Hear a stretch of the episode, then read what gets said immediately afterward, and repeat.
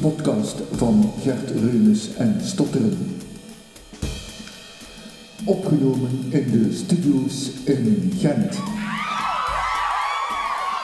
Hier is jouw host Gert Reumes.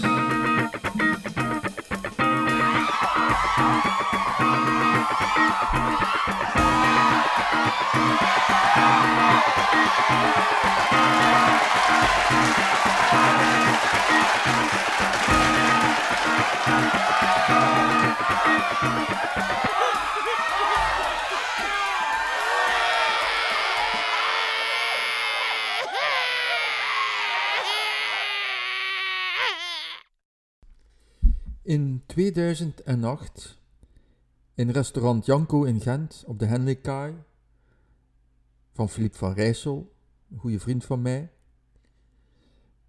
werd mijn boek Sprekende Schout voorgesteld. Vandaag vind ik op zolder een oude opname van een speech van mijn vader, die gegeven werd in de Janko. Er waren toen ongeveer 200 mensen aanwezig, onder andere ook Jan Vrijen, de regisseur, Geert van de bioscopen en nog een heleboel andere mensen die mijn supporters waren. Maar mijn grootste supporter was inderdaad mijn vader en mijn moeder. En mijn vader had een speech voorbereid, ik wist dat niet. En een aantal minuten voor ik uh, ja, ook mijn eerste exemplaar ging krijgen, had hij gezegd: Gert, ik wil nog graag ook eens een speech geven. En die opname heb ik gevonden en die opname gaan we nu samen beluisteren. Beste sympathisanten, als je de carrière van Gert overloopt, moet ik wel zeggen dat de, de tijd soms eigenaardige kronkelingen heeft. Wij hadden de bedoeling Gert Grieks en Latijn te laten studeren, omdat dat veel mogelijkheden heeft voor later studierichtingen. Maar Gert kwam terecht in de Rijksschool op de Liedehangstraat. Dus als hij later begon aan zijn studies voor logopedist, had hij niet de kennis van Latijn die nodig was om dat toch tot een goed einde te brengen. En ik als realist had al dikwijls gedacht, Gert, dat gaat jij niet aan.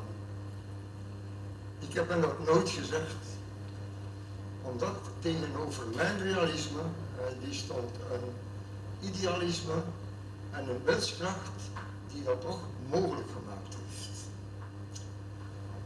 Ik wil aan het einde dan toch nog een anekdote vertellen die ook wijst op de zelfverzekerdheid van Gert. Op het einde van zijn studies, die moest Gert een thesis voorbereiden. En ik als goede vader, die wilde daar ook wel een zegsken over hebben.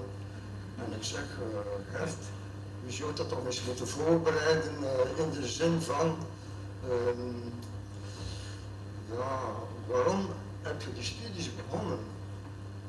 Maar uh, Gert keek mij even aan en zei, papa, let maar op, hij antwoordde met een volkse uitdrukking, ik zal ze eens een kopje laten ruiken.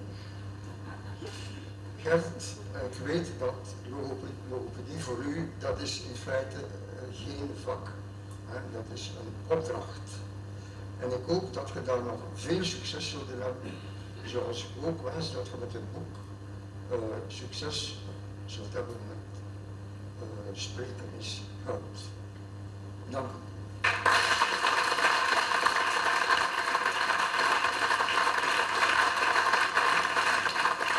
Dank papa.